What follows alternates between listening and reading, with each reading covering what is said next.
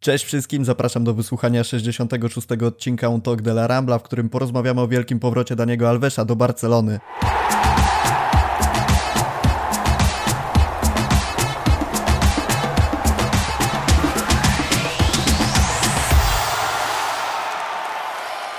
Jeszcze raz cześć wszystkim. Tak jak zwykle zaczynamy, tak zacznę też teraz. Zachęcam serdecznie do subów na kanale, łapek w górę, zajrzenia na stronę fcbarsa.com, gdzie znajdziecie masę newsów, artykułów i także na górnej belce link do Patronite'a, którym możecie wesprzeć naszą działalność.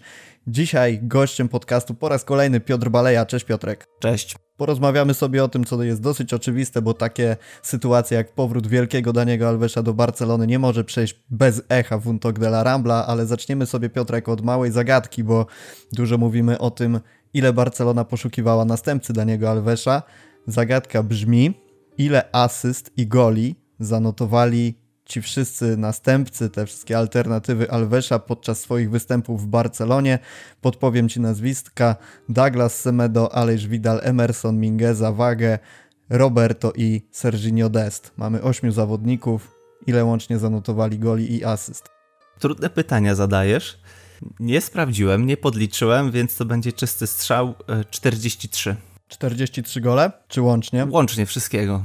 No trochę przestrzeliłeś, bo łącznie w 614 występach zanotowali 23 gole i 67 asyst, podczas gdy Alves w 391 meczach zanotował tyle samo bramek 23 i 101 asyst. To chyba najlepiej pokazuje, jakim świrem był ten gość i kto do nas wraca. W takim razie przejdźmy sobie już do tego, czy jego powrót jest w ogóle sensowny, czy to jest rozsądny ruch, czy desperacka próba szukania wzmocnień.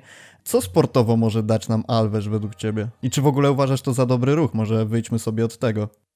To ja zacznę od takiej tyrady może. Jeżeli ktoś starszy denerwuje kogoś z młodszego pokolenia, często kwituje się to takim stwierdzeniem ok boomer – ja wczoraj patrząc, jak zareagowało y, środowisko Barcelony na powrót Daniego Alvesa, miałem ochotę powiedzieć: OK, Peppers.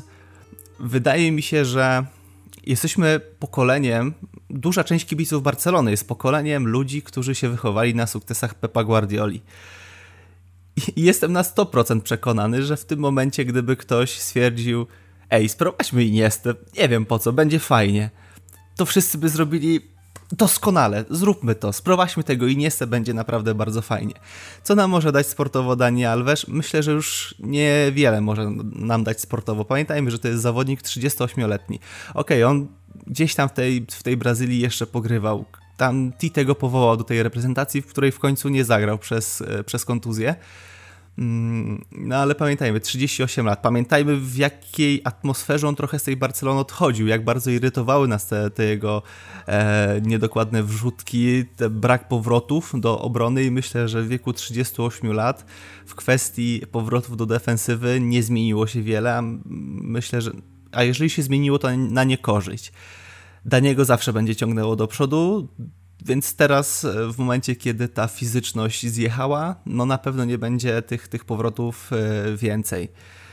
Powiedzmy też sobie otwarcie, ja jestem zadowolony z tego, że Alves wrócił, tym bardziej, że on gdzieś tam mówi się, że będzie grał za, za pół darmo albo za prawie darmo.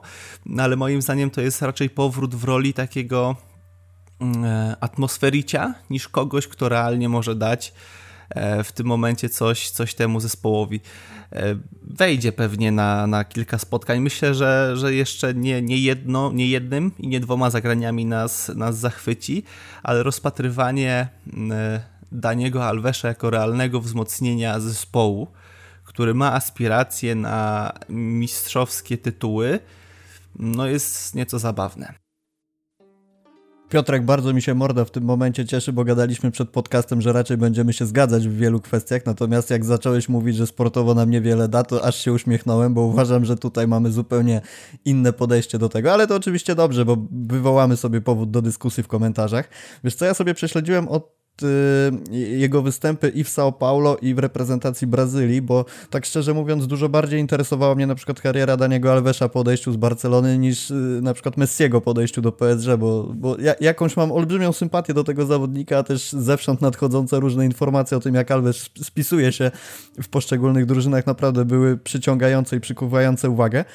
E, Alves z, na Igrzyskach Olimpijskich z reprezentacją Brazylii, tą olimpijską oczywiście, czyli tam bodajże U23, e, wygrał złoto. I teraz uwaga, w sześciu meczach Brazylii Brazylia odnotowała cztery wygrane, dwa remisy. Alves zagrał tak: 90 minut z Niemcami, 90 minut z Wybrzeżem Kości Słoniowej, 90 minut z Arabią Saudyjską, 90 minut z Egiptem, 120 minut z Meksykiem i 120 minut z Hiszpanią. Jeżeli chodzi o dyspozycję fizyczną, uważam, że ten gość nie odstaje w, żaden, w żadnym stopniu od e, zawodników, którzy byli wtedy w reprezentacji Brazylii i którzy teraz są w Barcelonie, bo jeżeli ktoś na tak ważnych rozgrywkach jak Igrzyska Olimpijskie notuje tyle minut, to nie są to już po prostu mecze towarzyskie, w których sobie odpuszczasz i też Alves podczas nich się prezentował bardzo, bardzo dobrze. I ta pozycja, którą zajmował, czyli raczej prawa obrona, ta znana z Barcelony, gdzie przesuwał się bardzo wysoko, to co ty mówisz, że, że raczej jest to atak, niekoniecznie obrona, oczywiście, że tak, tylko teraz to, co może moim zdaniem wnieść Dani Alves do Barcelony sportowo, o szatni sobie jakby porozmawiamy w drugiej części podcastu, ale sportowo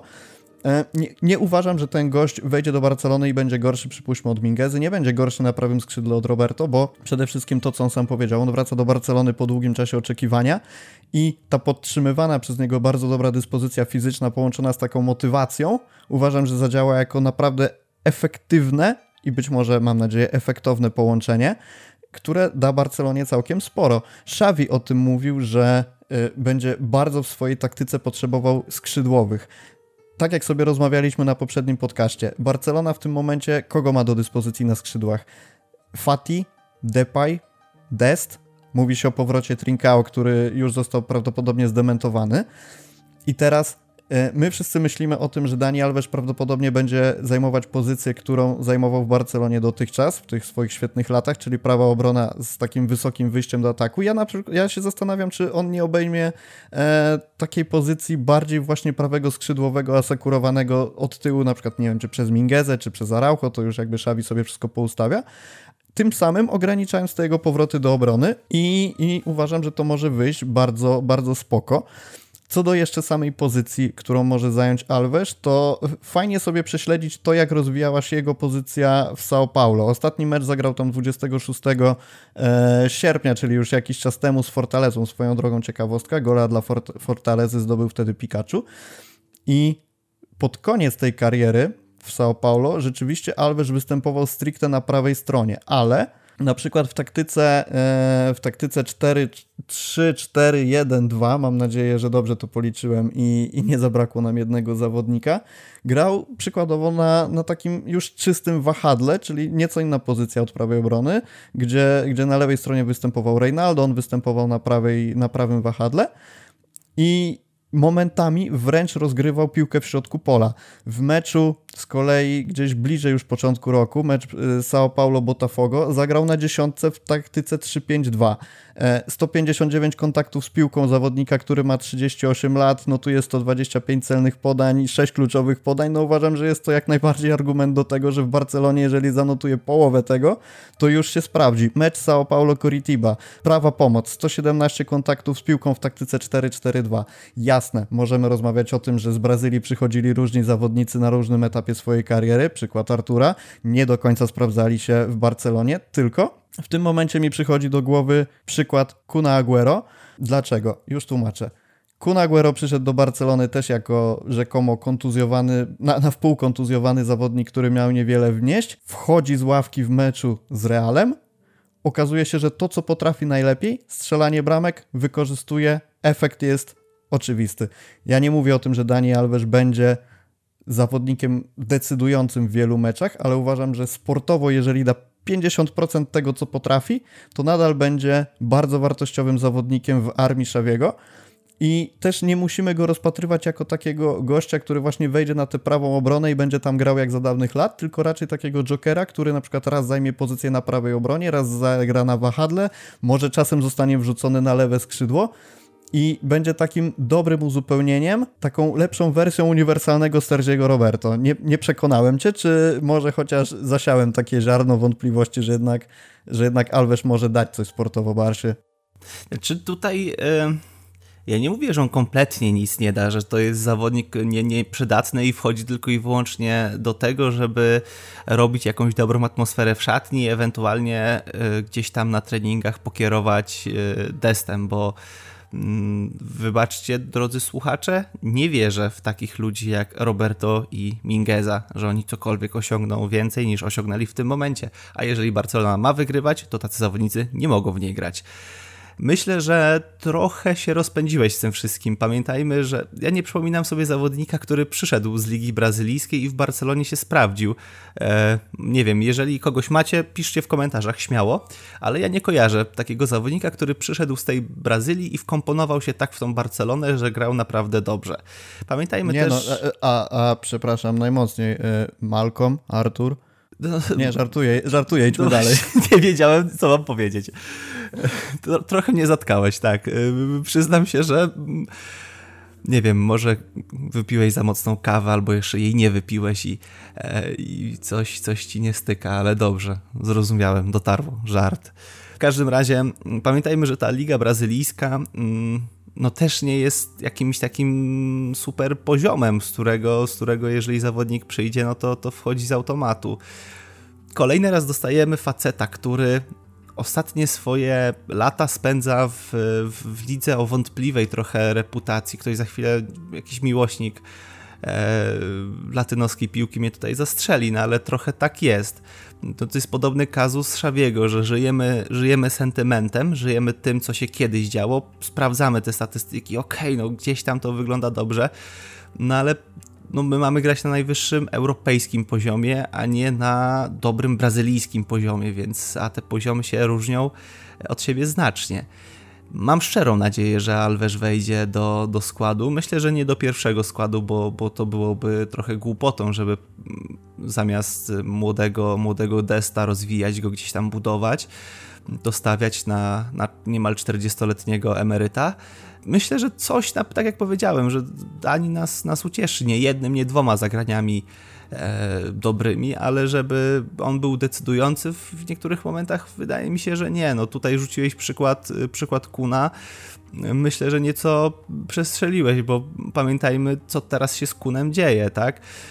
Aguero czeka 3 miesiące na decyzję, po której moim zdaniem już do piłki raczej może nie wrócić. No, no, no, kwestie kardiologiczne są dosyć poważne i, i tutaj, tutaj wydawało się, że przychodzi zawodnik, który tam ma kontuzję czysto piłkarską, a wychodzi na to, że e, jest, jest na tyle poważna sprawa, że może już kończyć karierę, więc e, tutaj spokojnie, tak, mamy też ponad miesiąc, tak, około półtora miesiąca czasu na to, żeby Mm, Alves przygotował się do, do, do gry w Barcelonie, bo pamiętajmy, że on dopiero będzie mógł grać od stycznia.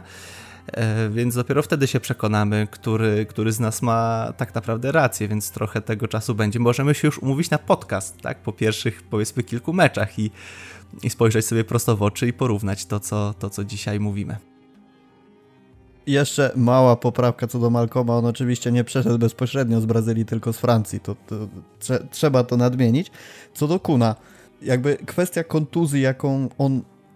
No nawet nie można powiedzieć, że kontuzji, którą odniósł, no bo to jest jakaś tam wada, nie wiem, nie pamiętam czy wrodzona, czy nabyta, nieważne, natomiast no to jest coś, czego nie mogliśmy przewidzieć tak naprawdę i, i no trudno jakby posługiwać się tym przykładem w tym momencie, ale o co mi chodzi, to taka kwestia, że jakby oczywiście ani Kun, ani Alves nie są zawodnikami, którzy będą stanowić trzon tej drużyny, ale jeżeli Xavi wyciągnie z nich, jeżeli Kun będzie kontynuował karierę oczywiście, jeżeli Xavi wyciągnie z Alvesa to, co w nim jest najlepsze, czyli wejdzie na ostatnie 30 minut, przyspieszy akcję, pokaże się gdzieś w środku, bo tak jak mówię, po, potrafi to. Alves pokazywał w Brazylii, że i na dziesiątce potrafi się odnaleźć w fajnej roli.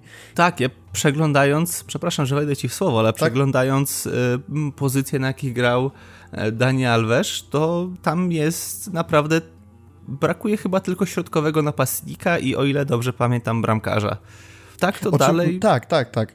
Oczywiście wynika to też z tego, że jakby jakościowo Liga Brazylijska jest dużo, dużo słabsza od Ligi Hiszpańskiej i po prostu Alves, który nabył przez te, te kilkanaście lat wielu umiejętności, po prostu ma taki talent i, i zdolności, że się sprawdził wszędzie. Jasne, ja to wszystko rozumiem, ale kurczę, mam w głowie takie coś, że wpuszczamy, nie wiem, zawodników pokroju Sergiego Roberto na boisko, którzy przez kilka meczów nie potrafią pokazać nic fajnego, czy to grając od, od pierwszej minuty, czy to wchodząc niech wejdzie Alves, niech pokaże to, co potrafi przez te 20-30 minut najlepszego, co umie i jakby, hej, jak się sprawdzi ekstra, jak się nie sprawdzi, niczym nie ryzykujemy. I to jest, to jest moim zdaniem bardzo fajne podejście w tym momencie. Oczywiście, jakby trudno, trudno to rozpat rozpatrywać jakoś rozwojowo, ale jako takie rozwiązanie na teraz, jakby ja, ja jestem jak najbardziej za tym transferem. Podkreślam, jakby ja często też, tak jak powiedziałeś, żyję tym, co było i, i bardzo miło wspominam czasy Guardioli, więc jestem jednym z tych, którzy zobaczyli Dani Alves i wow, jak super, także, także no trochę tutaj rozum ucieka yy, przed emocjami, ale no, no rzeczywiście, rzeczywiście e, możemy się umówić już na taki podcast, w którym zweryfikujemy to, co mówiliśmy. Ja uważam, że Alves może się sprawdzić, może dać wiele tej drużynie jeszcze, tym bardziej tak jak mówię, no Sao Paulo to jest jedna kwestia, ale to jak on się sprawdzał w reprezentacji Brazylii uważam wcale mu nie umniejsza. I, i, i to jak się prezentował na tle chociażby przeciwników, no bo wiesz, rozmawiamy sobie o tym, że Sao Paulo jest y, w lidze brazylijskiej, które jest słabe, ale, ale ja przypominam sobie mecz z tego finału Igrzysk Olimpijskich, kiedy Brazylia grała z reprezentacją Hiszpanii, no to powiedzmy sobie szczerze, Alves notuje asystę w finale e, przy golu Mateusa Cuni, a, a w wyjściowym składzie reprezentacji Hiszpanii mamy tak, Daniego Olmo, Jarzabala, Asensio Pedriego, Zubimendiego, Merino, Kukureje, Pau Torresa, Erika Garcia, Unaya Simona, Briana Hilla, e, Rafemira, Carlosa Solera, czy Juana Miranda, to nie są nazwiska, które jakby, wiesz, pokazują, że to jest słaba reprezentacja i, i tak dalej, i tak dalej. Jakby ja ciągle chcę wierzyć w to, że, że Alves ma szansę pokazać coś fajnego w Barsie. No zobaczymy, oczywiście. Ja nie mówię, że tak, że tak będzie na 100%, że kompletnie nic nie pokaże, bo od tego też się wystrzegam. Absolutnie czegoś takiego nie powiedziałem i, i nigdy nie powiem. Co do tego wybuchu emocji, jak gdzieś tam na Twitterze też napisałem, jak się pojawiły pierwsze takie plotki, że, że on wejdzie do pierwszego składu i od razu zje e, Roberto i, i Desta. No, oczywiście było to raczej w formie, e, w formie jakiegoś tam żartu. Mnie będzie bardzo właśnie ciekawiła ta forma e, fizyczna, jaką sobie, bo oczywiście przygotowanie się do krótkiego turnieju to jest zupełnie coś innego niż przygotowanie się na, na rozciągłość całego, całego sezonu. Nawet jeżeli w tym sezonie będzie się grało po 20-30 minut w każdym meczu, no to to jest zupełnie inna sprawa. Ok, tutaj pewne pocieszenie może dać e, to, co grał w São Paulo, bo, bo tam jak podliczyłem, to on mniej więcej wychodzi, że 80 minut rozgrywał, biorąc pod uwagę wszystkie rozgrywki. E, ale no to też myślę, że może być trochę inna intensywność e, gry, trochę inne zaangażowanie. Pamiętajmy, że teraz ta przerwa się przydarzyła dosyć, dosyć długa jak na takiego zawodnika, bo, bo, bo też weźmy pod uwagę to, że 38 lat, no to ten zawodnik przystosowuje się już troszeczkę inaczej niż zawodnik, który ma lat 25. No to jest raczej oczywiste dosyć.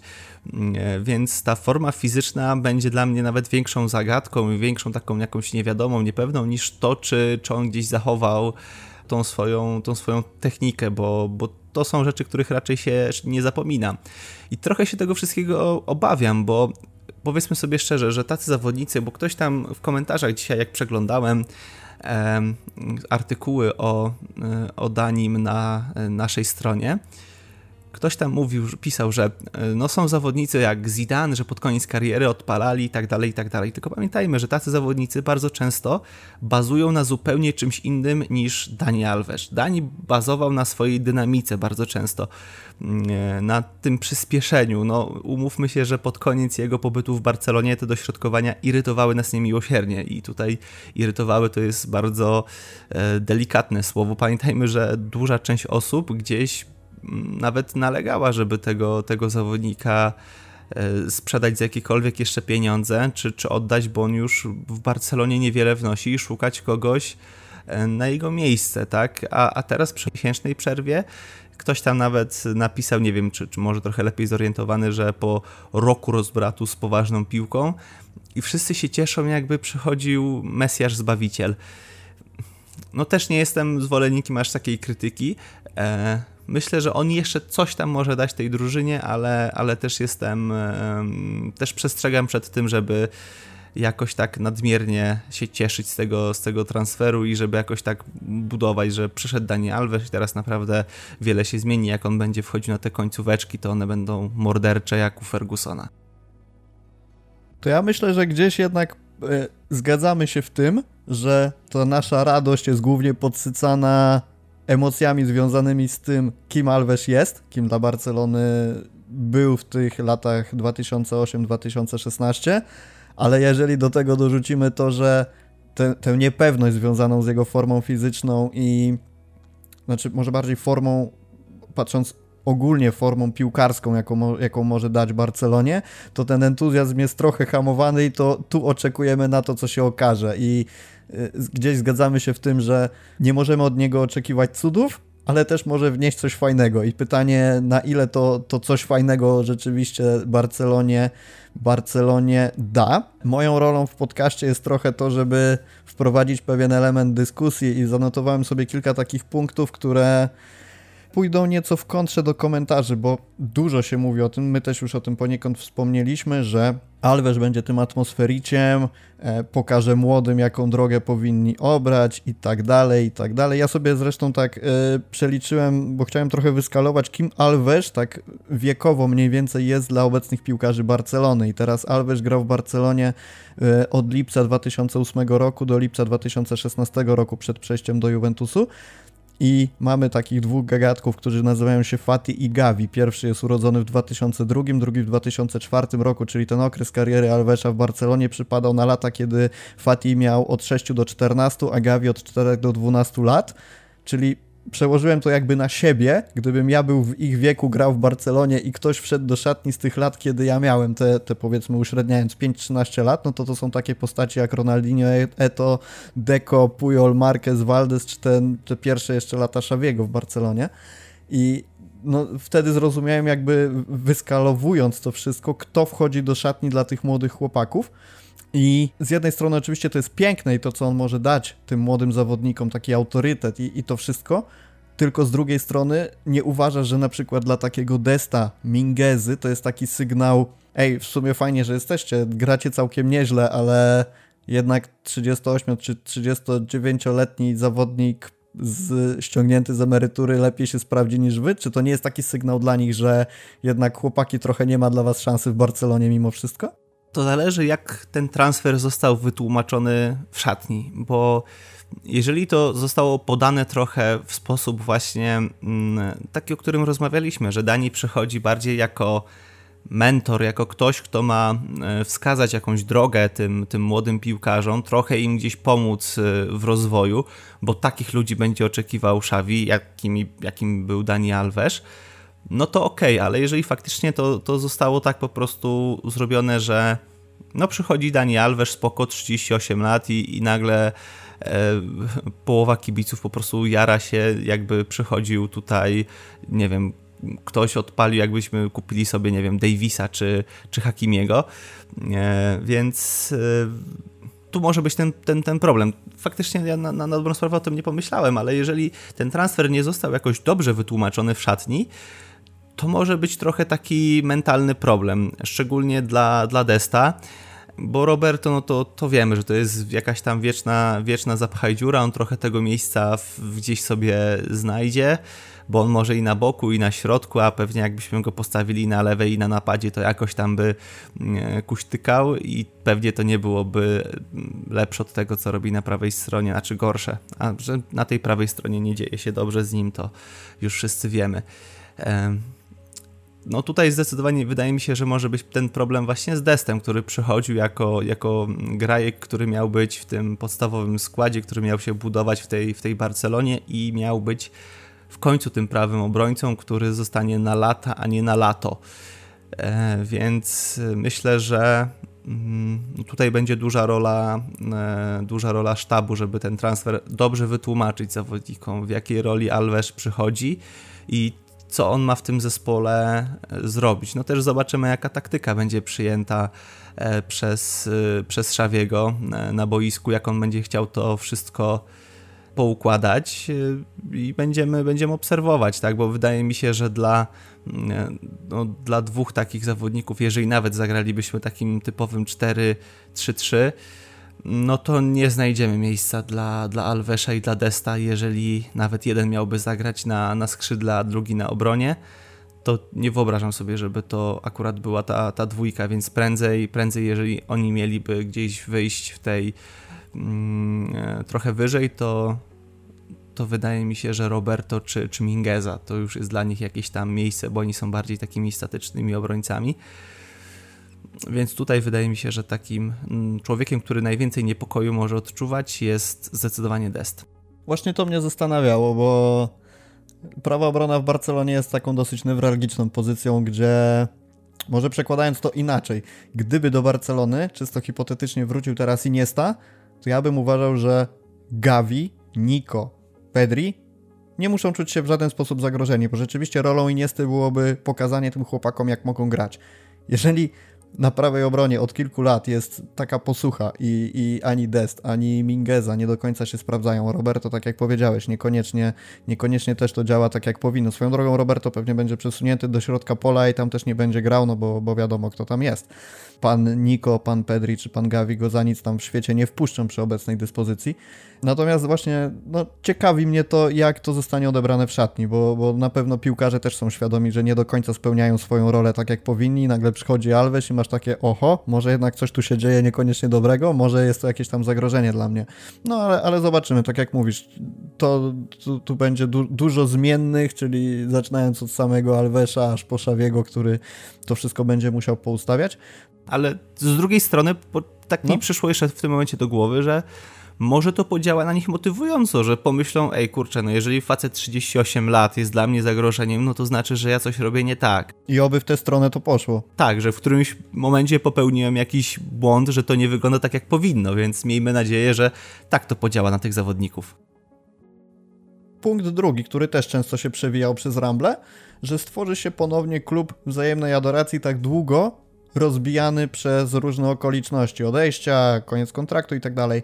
Będziemy mieli Pikę, Busquetsa, Albę, do tego dojdzie Alves, do tego dojdzie Xavi, już doszedł Xavi.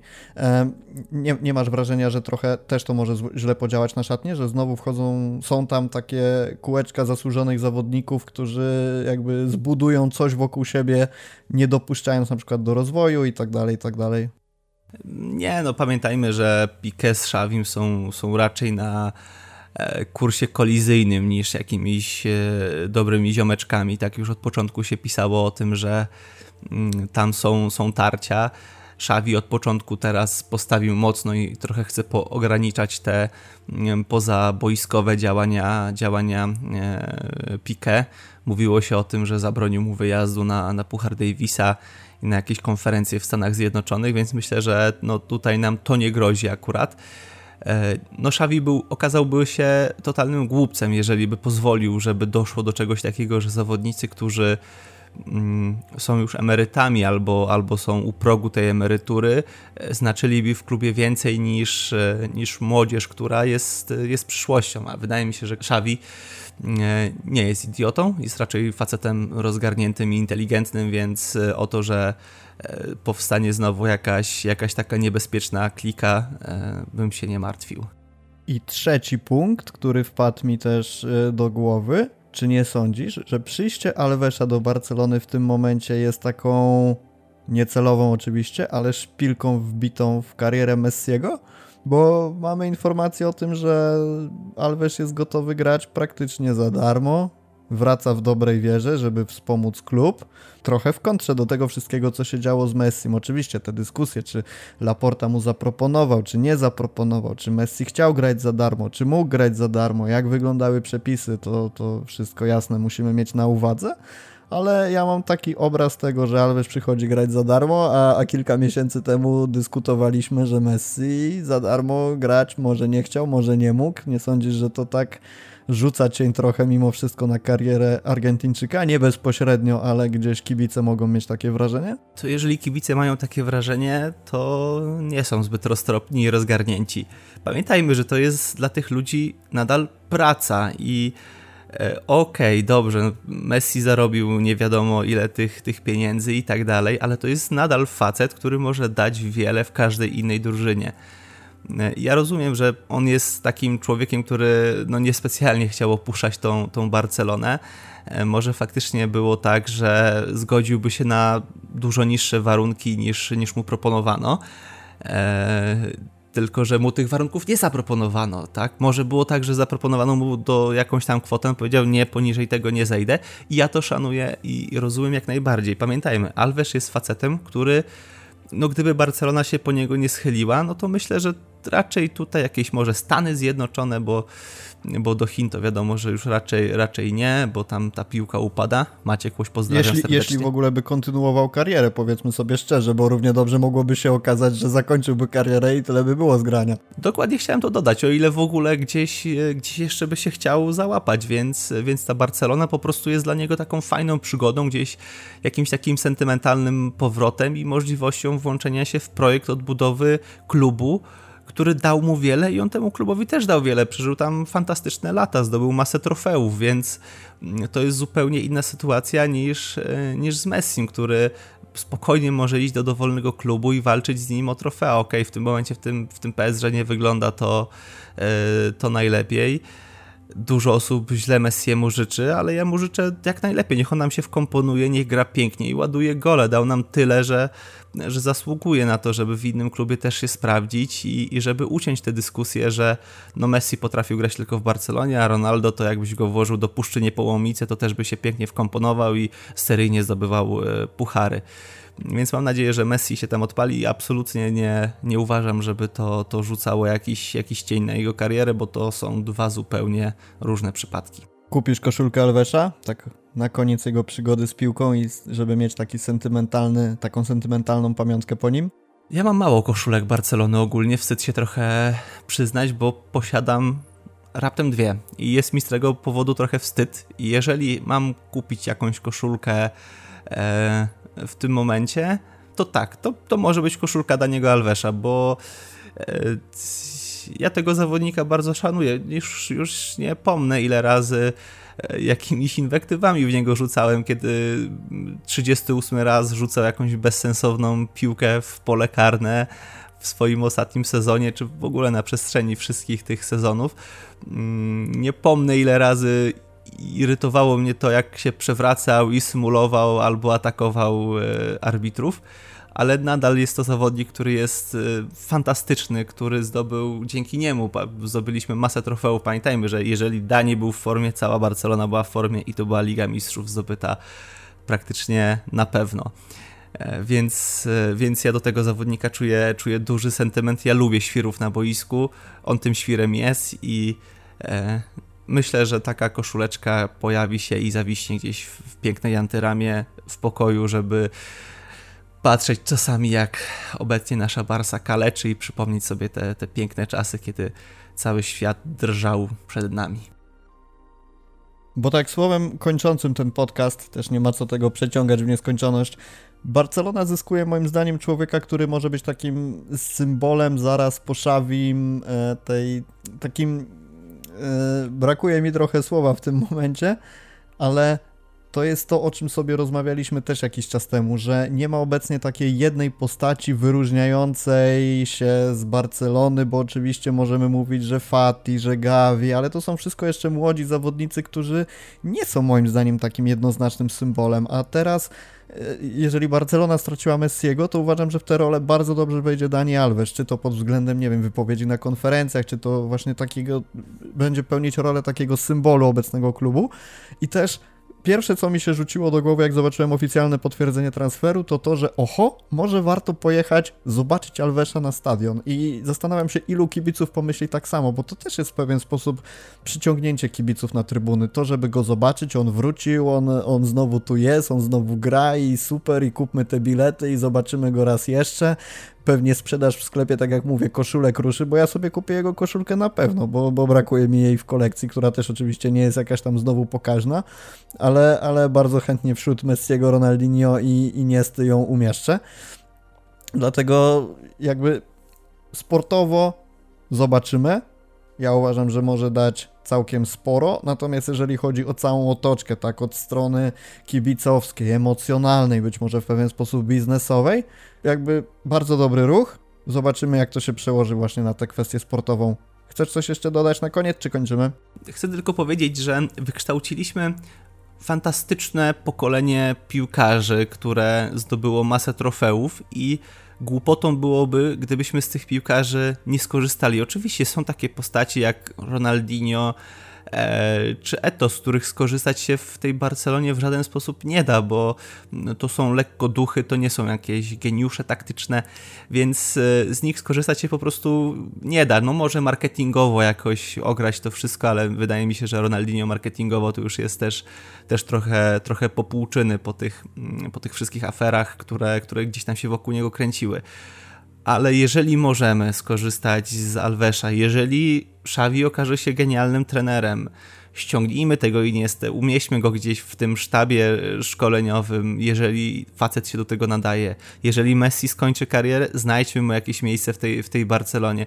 Może być dyrektorem sportowym, jeżeli faktycznie ma oko do, do, do piłkarzy i będzie chciał ich, e, będzie potrafił rozpoznać talent po tym, jak wchodzi po schodach, cytując klasyka, weźmy go, niech, niech on to robi. Korzystajmy po prostu z tej generacji piłkarzy, która mm, była fantastyczna i która dała tyle radości. Pamiętajmy, że w tym momencie ludzie, którzy się wychowywali na, e, na grze drużyny Guardioli czy, czy, czy Enrique, mogą zostawić w tej Barcelonie najwięcej pieniędzy, bo to są ludzie, którzy mają w tym momencie 30-40 lat i są najbardziej produktywni, więc marketingowo to są świetne ruchy. Róbmy tak, budujmy tą Barcelonę i jeszcze będziemy z niej zadowoleni. Amen. A Was zapraszamy w tym tygodniu na nasz kanał, bo będzie się działo. Nie tylko podcasty, ale nie będę zdradzał więcej sekretów. Zobaczycie, kliknijcie dzwoneczek, to na pewno nie ominie Was żadne powiadomienie.